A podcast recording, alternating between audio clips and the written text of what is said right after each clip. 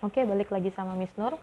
Ini podcast saya tentang kontrak drafting atau penyusunan kontrak. Jadi kontrak drafting ini adalah e, bidang keilmuan hukum yang sifatnya praktis atau terapan. Jadi kenapa sih perlu ada kontrak gitu ya? E, kita balik dulu ke masa awal gitu ya, hakikatnya gitu manusia sebagai makhluk yang berinteraksi satu sama lain gitu. Kalau Aristoteles bilangnya zon politikon. Jadi ada uh, ikatan.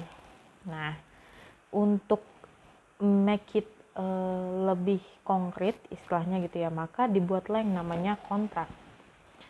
Nah, kontrak itu bisa dibilang an exchange relationship created by oral or written agreement between two or more person containing at least one promise and recognized in law as enforceable. This definition reflects several essential elements an oral or written agreement between two or more persons, an exchange relationship, and at least one promise, enforceability. Jadi, kontrak adalah hubungan tukar-menukar, saling memberi yang dibuat secara lisan atau tertulis di antara dua orang atau lebih. Berisikan paling tidak satu janji dan diakui secara hukum sehingga dapat dilaksanakan tadi saya bilang kontrak ini berkaitan sama hakikatnya manusia gitu dengan zon politikonnya untuk berinteraksi satu sama lain. Secara tidak sadar, setiap orang sering melakukan e, kegiatan kontrak terutama lisan gitu. Contoh, misal seorang ibu pergi ke pasar untuk membeli sayur mayur. Sampai di pasar, ibu tersebut menanyakan kepada pedagang sayur, apakah ada sawi hijau? Pedagang menjawab, ya, ada bu. Segar-segar sekali, satu ikatnya 2000 Ibu perlu berapa? Sang ibu menjawab, saya hanya perlu tiga ikat, saya bayar lima ribu. Pedagang menjawab, ya baiklah karena ibu pelanggan saya. Ilustrasi tersebut menunjukkan telah adanya kontrak secara lisan antara ibu dan pedagang. Bahkan dimulai dengan adanya tawar-menawar atau negosiasi yang juga dikenal dalam penyusunan kontrak. Nah, di Indonesia, kontrak itu diatur dalam buku ketiga Kitab Undang-Undang Hukum Perdata.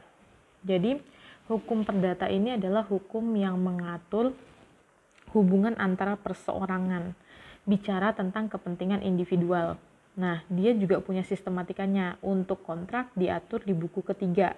Dari pasal eh, 1233 sama 1234 itu dibilang eh, kontrak ini disebut dengan istilah perikatan. Ada yang lahir karena persetujuan atau karena undang-undang. Perikatan ditujukan untuk memberikan sesuatu untuk berbuat sesuatu atau tidak berbuat sesuatu. Sedangkan di pasal 1313 Kitab Undang-Undang Hukum Perdata, ada perikatan yang lahir dari kontrak atau perjanjian. Perjanjian menurut pasal ini adalah suatu perbuatan di mana satu orang atau lebih mengikatkan dirinya terhadap satu orang atau lain. Berdasarkan Kitab Undang-Undang Hukum Perdata di Indonesia, perbuatan hukum membuat kontrak merupakan bagian dari perikatan yang lahir karena persetujuan atau undang-undang. Perikatan yang lahir dari persetujuan atau kontrak dapat dibuat oleh satu orang atau lebih. Hal ini menunjukkan kontrak atau perjanjian di Indonesia dapat dibuat oleh satu orang saja. Contoh, perjanjian hibah. Tidak semua negara itu mengakui ada perjanjian atau kontrak yang dibuat oleh satu orang. Oke. Ini ada pengertian dari Yahya Harahap bahwa perjanjian atau tenis adalah suatu hubungan kekayaan atau harta benda antara dua orang atau lebih yang di dalamnya terdapat prestasi. Di satu pihak berhak memperoleh prestasi sedangkan pihak lain berkewajiban menunaikan, prestasi yang telah disepakati. Dari pengertian tersebut setidaknya ada dua elemen. Ada hubungan hukum kekayaan atau private dibuat oleh dua orang atau lebih dan adanya prestasi dan hak bagi para pihak yang membuat kontrak. Masih bicara seputar definisi, saya ambil pendapat dari Prof. Subekti yang bilang uh, dia jadi membedakan antara perikatan dan perjanjian.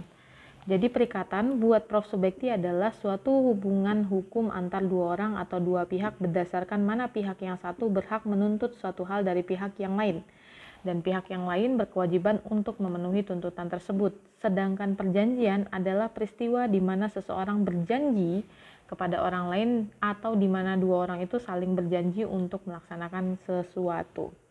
Perbedaannya terletak dari sisi konsekuensi hukum. Perikatan, masing-masing pihak mempunyai hak hukum untuk menuntut, sedangkan di perjanjian tidak ditegaskan hak hukum yang dimiliki oleh para pihak. Jadi ada juga dalam kajian literatur kalau pengertian perikatan itu dapat dipersamakan dengan pengertian kontrak, sedangkan pengertian perjanjian dapat lebih disamakan dengan agreement. Nah, e, untuk bisa menyusun e, kontrak gitu ya, atau di sini saya bahasanya menyusun akte gitu ya. Setidaknya di akte itu punya sistematika. Oh ya, Akte itu sendiri adalah uh, dia merupakan keterangan tertulis gitu ya, yang ditandatangani oleh para pihak yang punya kepentingan, jadi dia menyatakan sesuatu. Akta bisa juga diartikan sebagai surat yang dibuat sedemikian rupa di hadapan pejabat yang berwenang. Susunan akte tadi yang saya bilang terdiri atas judul atau heading, pembukaan atau opening, komparisi itu identitas para pihak, premis atau resital, dasar pertimbangannya, terus isi perjanjian, ketentuan, dan persyaratan, term and condition. Terus ada penutup atau closure, terus ada tanda tangan atau attestation. Tanda tangan ini ada dari saksi-saksi, witness, para pihaknya sama lampirannya juga ada di dalam ujung akte atau attachment. Di dalam kontrak itu ada pasal-pasal juga, jadi bukan cuma undang-undang gitu ya yang kalian lihat. Di dalam kontrak itu juga ada pasal Uh, pasal adalah bagian dari kontrak yang terdiri dari kalimat atau sejumlah kalimat yang menggambarkan kondisi dan informasi tentang apa yang disepakati baik tersurat maupun tidak tersurat. Fungsi pasal adalah untuk menegaskan kondisi dan informasi serta pemahaman tentang suatu kontrak mengenai apa yang disepakati. Agar pasal dimaksud dapat berfungsi optimal, maka pasal harus memenuhi syarat sebagai berikut: sistematis dan kronologis, ketegasan bahasa, keterpaduan antara satu dan yang lainnya, kesatuan jadi satu pasal harus mencerminkan satu kondisi. Namun antara satu pasal dan pasal lain saling mendukung sebagai satu kesatuan yang mudah dipahami. Kelengkapan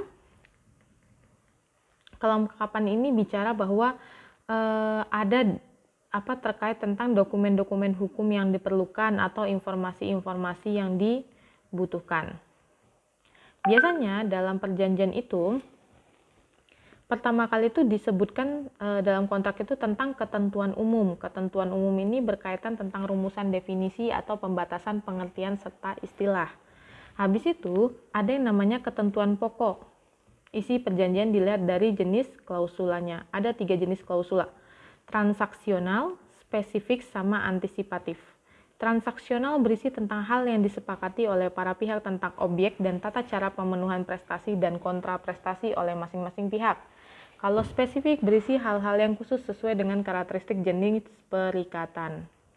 Kalau antisipatif, dia berisi tentang hal-hal yang menyangkut kemungkinan-kemungkinan yang akan terjadi selama berlangsungnya atau selama masih berlakunya perjanjian. Ada beberapa prinsip yang harus dipegang dalam perumusan kontrak. E, perumus kontrak ini kita gunakan istilah drafter. Yang pertama, menyusun esensialia perjanjian secara lengkap dan benar sebagai klausula utama Menggunakan prinsip hukum lebih baik diatur secara lengkap daripada kurang dalam mengakomodasi kebutuhan hukum kontrak para pihak. Terus, habis itu menggunakan prinsip hukum dalam hal ini ketelitian atau akurasi dalam memformulasikan tindakan hukum para pihak. Untuk bahasa, standar kelayakan bahasa kontrak yang dinilai memadai jika bahasa itu digunakan uh, tidak terlalu baku seperti bahasa undang-undang, tapi juga tidak terlalu mengikuti bahasa populer pergaulan. Kenapa? Karena, karena satu, uh, tujuan penggunaan bahasa kontrak adalah diutamakan untuk mengerti bagi para pihak. Jadi, uh, ada gitu asas yang bilang bahwa kontrak itu merupakan undang-undang bagi pihak-pihak terkait. Kalau dirumuskan seperti bahasa undang-undang yang umum, maka bisa jadi ada kemungkinan ada yang pihak tidak paham atau bisa jadi kemudian pasal-pasalnya memuat makna ganda.